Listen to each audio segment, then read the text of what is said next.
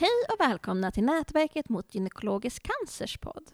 I det här avsnittet kommer vi att diskutera genetik och gynekologisk cancer. Förutom att belysa vilka mutationer och syndrom som kan ställa till det så kommer vi också att diskutera förebyggande åtgärder och framtidens forskning. Så häng med! Jag som kommer leda den här diskussionen heter Alexandra Andersson och med mig här idag så har jag Gustav Silander. Gustav Silander är överläkare vid Cancercentrum på Norrlands universitetssjukhus och överläkare på den cancergenetiska mottagningen vid Regionalt cancercentrum Norr. Varmt välkommen Gustav! Tack så mycket! Den 27 maj i år så deltog Gustav i ett webbinarium med oss och då fick lyssnarna möjlighet att ställa sina frågor som de hade om genetik och gynekologisk cancer.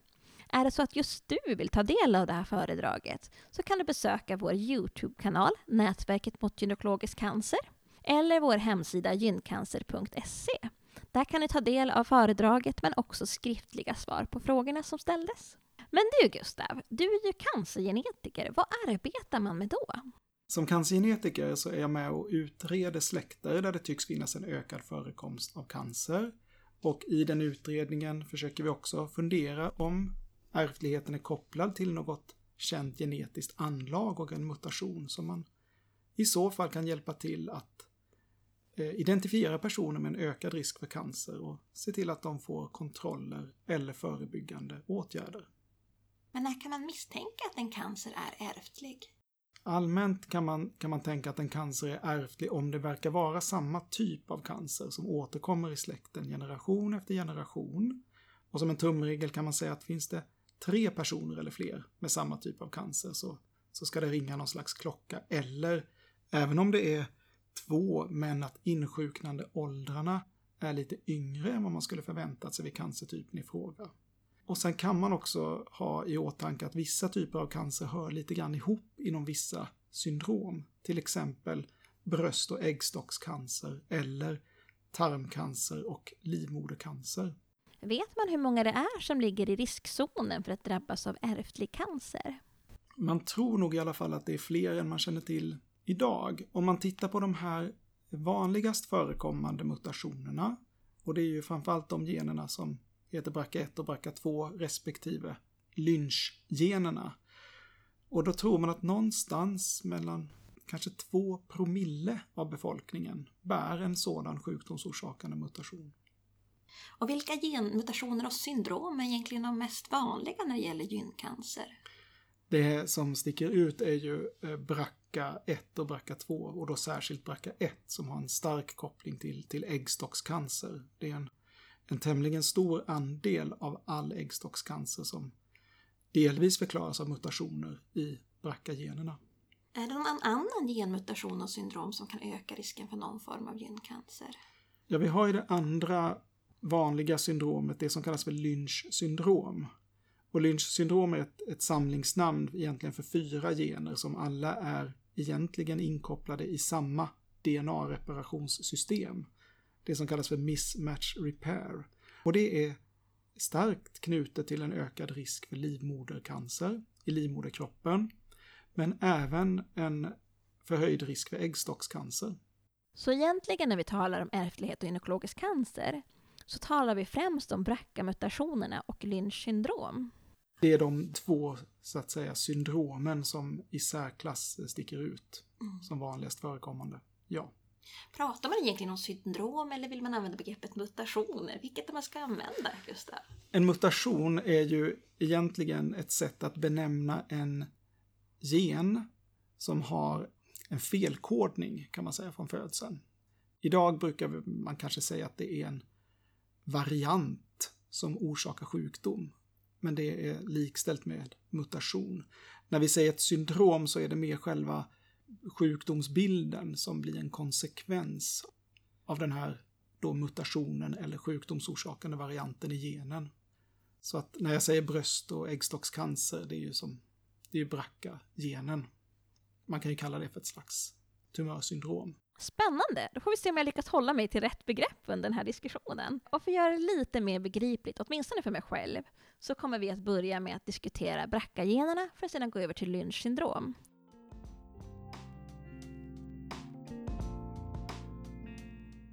BRCA1 och BRCA2, som man ofta kallar BRCA1 och BRCA2, är så kallade bröstcancergener. Men forskningen har ju också kommit fram till att bärare av de här genmutationerna tyvärr också löper en högre risk att drabbas av andra cancersjukdomar. Och jag tänker Gustav, förutom bröstcancer, vilka andra cancersjukdomar har bärare av BRCA1 och BRCA2 högre risk att drabbas av? Vid BRCA1 är det ju egentligen bara äggstockscancer och bröstcancer där man ser en tydlig riskökning. Men vid BRCA2 så finns det även en förhöjd risk för prostatacancer för män och även bröstcancer för män, även om det fortfarande är ovanligt. Och en viss överrisk ser man även för bukspottkörtelcancer vid BRCA2-genen. Hur vanligt är det egentligen med äggstockscancer och hur ökad är risken om man bär någon av de här mutationerna? Det är väl, om man tänker de som drabbas av äggstockscancer som inte drabbas, eh, om man bortser från huruvida man har en mutation eller inte, så är det ju, det är väl ungefär 800 fall per år någonstans. En procents livstidsrisk brukar man säga, oavsett ärftlighet. Men den risken i sin tur, om man har en sån här bakomliggande genetisk mutation, kan ju vara påtagligt förhöjd. För BRCA1 kan den vara till och med över 50 procent i vissa släkter. Hur stor är risken vid BRCA2 att få äggstockscancer? Ja, den, den är ju lägre jämfört med eh, BRCA1. Man kan säga att det är ungefär hälften så stor risk som vid en BRCA1-mutation, men det är ju ändå 20-30 procent i vissa släkter. Ja, det är ju kraftigt förhöjt. Det är det. När man läser om BRCA så kan man ramla över begrepp som BRCA germline, BRCA wild type, somatisk BRCA. Precis. Och ibland är det lite svårt att hålla koll på vilken som är vilken och vad de betyder. Och vi kanske kan passa på att reda ut det nu när vi har dig här, Gustav. En mutation i de här BRCA-generna, de hittar man ju i regel i själva cancercellen. Och de kan ha uppstått antingen som en led i cancerutvecklingen från en normal äggstockscell. Och då kallar man det för att det har uppstått en somatisk mutation. Den finns bara i den här specifika cellinjen. Men har man en germline så är det ett uttryck för att man har en medfödd BRCA-mutation, det vill säga att mutationen är uttryckt i alla kroppens kärnförande celler. Och då uppstår de ju också i cancercellen. BRCA wild type är egentligen bara ett uttryck för att säga att BRCA-genen i tumören ser helt normal ut. Ja, om man har då en BRCA-mutation, finns det någon annan typ av behandling att tillgå om man får äggstockscancer? När det gäller BRCA-mutationer så har man ju idag utvecklat de så kallade PARP-hämmarna som just utnyttjar att tumörcellerna har en nedsatt funktion i de här DNA-reparationsenzymen som, som BRCA-genen ansvarar för. Och då slår man ut även en annan funktion i DNA-reparationen med PARP-hämmarna och det har visat sig ha väldigt bra effekt mot äggstockscancer, både vid återfall och vid primärdiagnos. Vad är PARP-hämmare för typ av behandling? Är det tablett eller är det cytostatikaform? Eller? Det är tabletter och mm. man kan nog inte kalla det för cytostatika riktigt för den tar ju inte sönder DNA på samma sätt som cytostatika utan den här hindrar mest reparationen av det. Hur länge har PARP-hämmarna funnits? I återfallssituationen har det funnits ett par år. Egentligen under ganska kort tid. Att man även använder det vid diagnos om tumören har en BRCA-mutation. Antingen på grund av att det uppstått i, i cellen själv eller att man har det på grund av en ärftlig BRCA-mutation. Är det alla som har BRCA som kan få den här PARP-hämmaren? Man använder den ju de gånger som tumören visar sig vara känslig för så att säga cytostatika behandling i första hand. Mm. Men har man BRCA-mutationen så spelar det inte någon roll om den har uppstått i cellen eller funnits med från, eh, som en ärftlig variant. Brukar den här behandlingen räknas som lika tung som cytostatika behandling eller vad är din erfarenhet? Inte alls på samma sätt, utan det är för de flesta som får den så är det en, behandling som inte är förknippad med särskilt mycket biverkningar.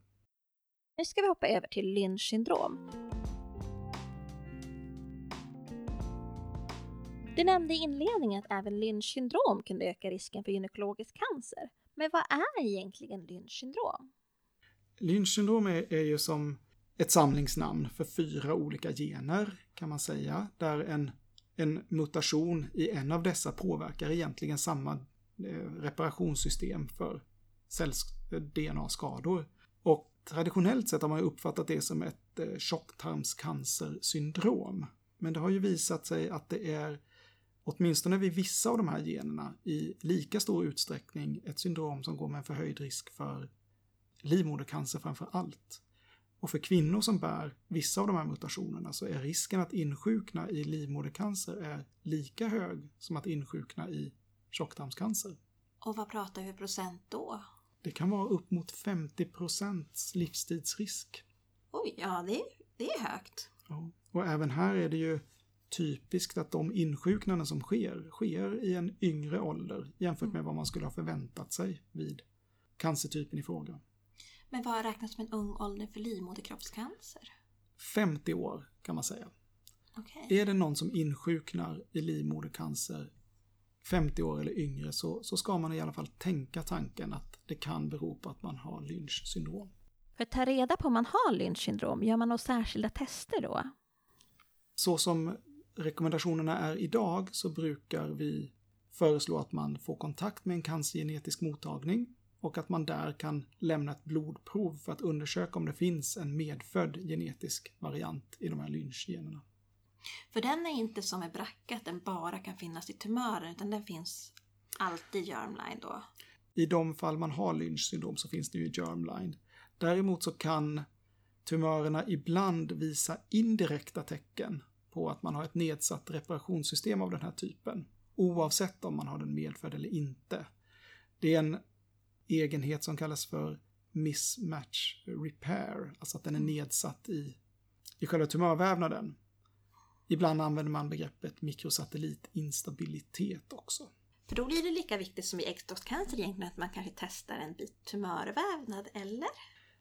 Det kan vara så att det skulle vara viktigt också. Men samtidigt, den stora andelen av de tumörer som uttrycker sån här mikrosatellitinstabilitet beror ju inte på att man har en ärftligt ökad risk att man har mm. Lynch syndrom. Så att vid livmodercancer så är det lika bra att gå på och testa mm. direkt för ett blodprov.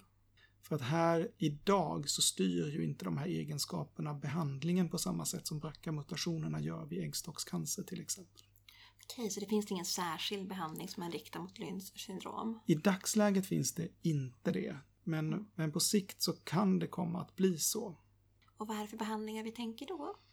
Då pratar man om så kallad immunterapi.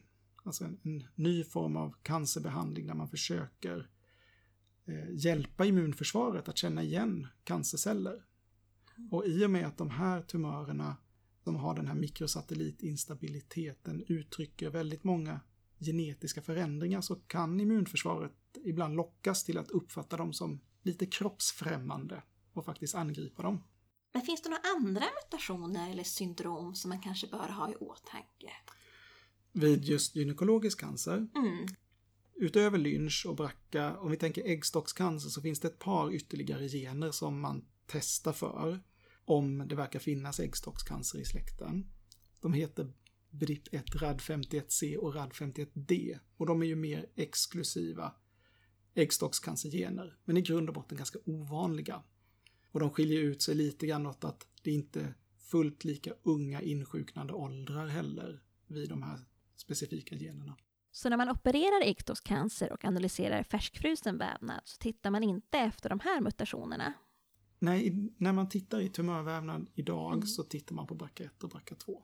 Mm. Men går man vidare om det till exempel skulle vara så att man inte hittar en BRCA1 eller BRCA2 mutation i tumören, men det ändå finns någon indikation på ärftlighet, att det finns annan cancersjuklighet i nära släkten, om man gör ett blodprov, då kommer de generna att ingå i det testet. Men det görs via cancergenetiska mottagningarna. När det kommer till cervixcancer, det vi kallar livmoderhalscancer, finns det mm. några genetiska mutationer eller syndrom som man har kunnat observera där? Inte på samma sätt som vid äggstockscancer och livmodercancer eftersom cervixcancer eller då livmoderhalscancer i, i första hand är kopplat till de här virussjukdomarna. Det tycks finnas en viss överrepresentation i en del släkter, men det är ovanligt och inget man har säkert kunnat knyta till någon enskild genetisk mutation. Om man då är eller blir sjuk i gynekologisk cancer och antingen då har en BRCA-mutation eller Lynch syndrom, ser prognosen då annorlunda ut?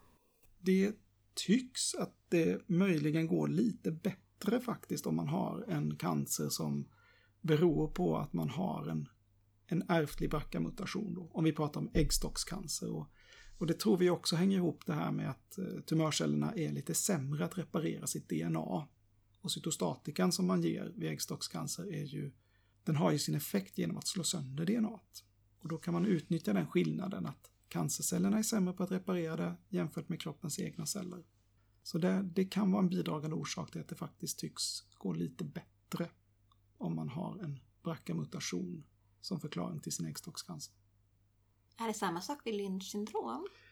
Det är lite svårare att veta, men eh, det finns en del som tyder på att prognosen är bättre, även om man har Lynch syndrom. Och det kan ju delvis bero på att om man känner till att man har Lynch syndrom, att man faktiskt blir bättre på att upptäcka tidiga former av livmodercancer. Men det kan också vara så att en bidragande orsak är att en mutation i lynchgenerna orsakar en ansamling av mutationer i, i tumörcellerna som gör att kroppen i större utsträckning reagerar och uppfattar det som kroppsfrämmande och därmed är bättre på att själv hjälpa till att ta hand om tumörsjukdomen.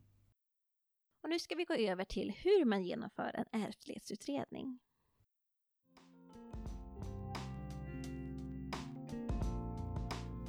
Om man vill ta reda på om man har den här ärftligheten eller man kanske har någon mutation eller man tänker att man kanske har någon i släkten som kanske hade en gyncancer mm. och man tror att ja, men hon var nog ganska ung. Mm. Hur gör man då? Då kan man ta kontakt med någon av de cancergenetiska mottagningarna i Sverige och få och hjälp av en genetisk vägledare att gå igenom släkten och, och finns det då en misstanke om att det kan vara en ärftlighet då försöker vi hjälpa till att ombesörja att man får, om det går, ett blodprov på någon lämplig person och se om, om cancerinsjuknandena förklaras av att det finns en sån här ärftlig mutation i släkten. Gustav, hur många cancergenetiska mottagningar finns det i Sverige? Det finns en, kan man säga, för varje sjukvårdsregion. Så i stort finns det sex stycken, men så finns det några mindre mottagningar också. Men, men hela Sverige har en sådan mottagning man kan vända sig till. Och dit kan man vända sig utan remiss, eller? Så som det är hos oss i norra sjukvårdsregionen så kan man göra det. Och då, mm. då får man ju information och är det så att man att vi tycker att det finns skäl att gå vidare med en sån här utredning, då, då behövs det en remiss, då hjälper vi till att fixa den. Okay. Så just den biten är inte så krånglig. Ja, vi har ju talat om att det går att utreda genom ett blodprov för att se om man har BRCA, germline eller Lynch syndrom. Är det dyra blodprov vi pratat om? Det har både blivit billigare och snabbare. I stora drag kostar det ungefär 10 000 kronor en sådan analys. Och analystiden i stora drag ligger mellan två till tre månader. När det kommer till genetik och cancer kan det uppstå etiska konflikter. Absolut.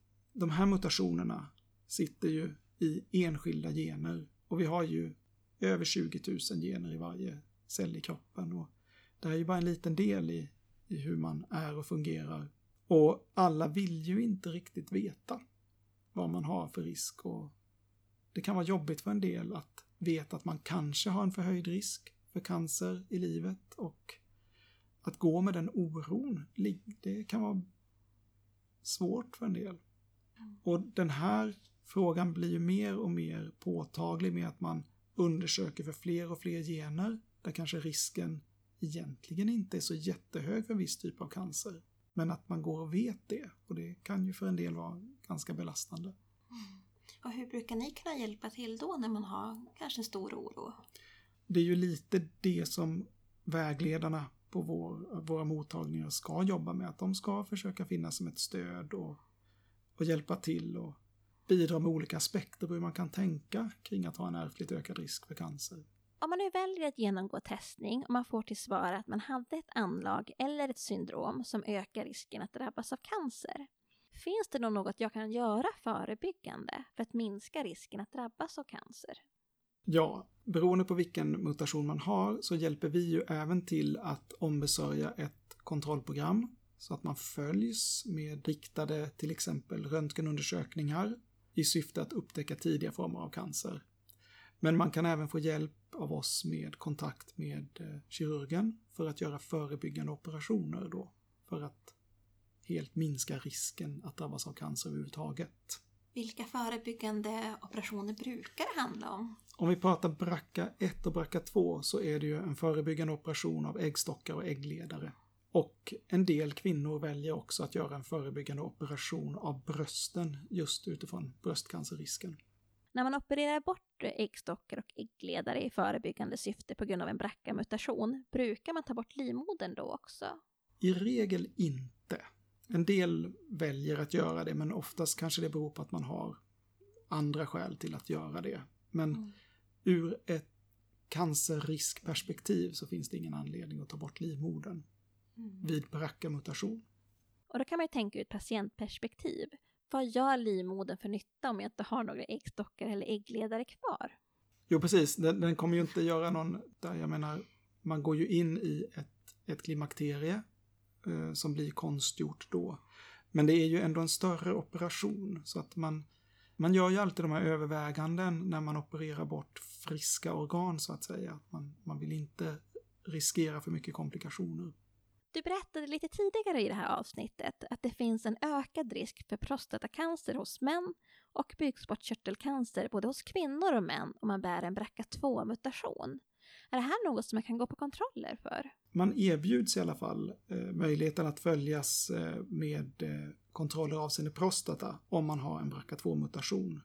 När det gäller bukspottkörtelkontroller så är det, det är lite svårare för att de kontrollprogrammen är inte effektiviteten av dem är inte fullt lika klarlagda. Men eh, har man bukspottkörtelcancer i nära släkten och en BRCA2-mutation så kan man överväga att gå på en form av kontroll med magnetkameraundersökningar varje år. Och vid Lynch syndrom, vilka förebyggande åtgärder finns det då att tillgå? Lynch syndrom är ju från början ansett som ett eh, syndrom som i första hand har en ökad risk för tjocktarmscancer. Så de kontroller man rekommenderar är ju att man kontrolleras med så kallad koloskopi, alltså att man undersöker tarmen med en liten kamera en gång vartannat år.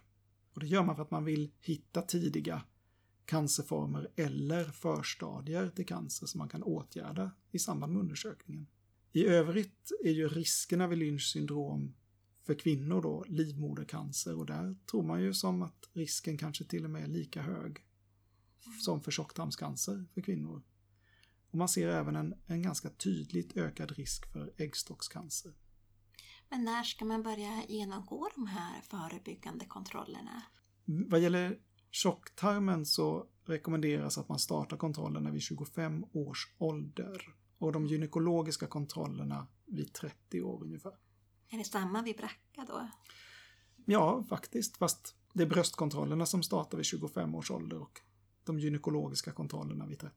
Finns det några risker med de här förebyggande operationerna som vi har pratat om här idag?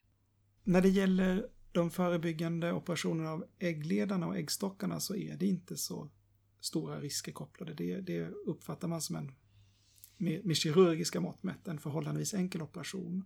När det gäller bröstoperationerna så finns det en risk för sårläkningsbekymmer eller infektioner och för många kan det vara en ganska lång återhämtningsperiod efteråt. Det kan göra ont och man fungerar ju inte riktigt som man gjorde tidigare. Men allvarliga risker, det ser vi sällan vid de här typen av operationer. Och det görs väl noggranna undersökningar ja. och riskbedömningar? Jajamän, det gör det. Mm. Mm. Kan man få äggstockscancer även om man tar bort sina äggstockar och äggledare i förebyggande syfte? Ja, man kan, det finns en liten, liten risk att i och med att äggstockarna ligger i sån här anslutning till bukhinnan och bukhålan så, så kan det ibland vara så att det finns någon tidig äggstockscancercell som blir kvar. Risken är väldigt liten, men den är inte noll. Ja, det här är ju väldigt, väldigt intressant. Och även om man är bärare av både BRCA och Lynch syndrom så får man ju inte alltid cancer. Nej. Och nu har vi talat lite om de förebyggande kontrollprogrammen och de förebyggande operationerna som finns tillgängliga i Sverige. Men finns det något annat man kan göra för att minska sin risk?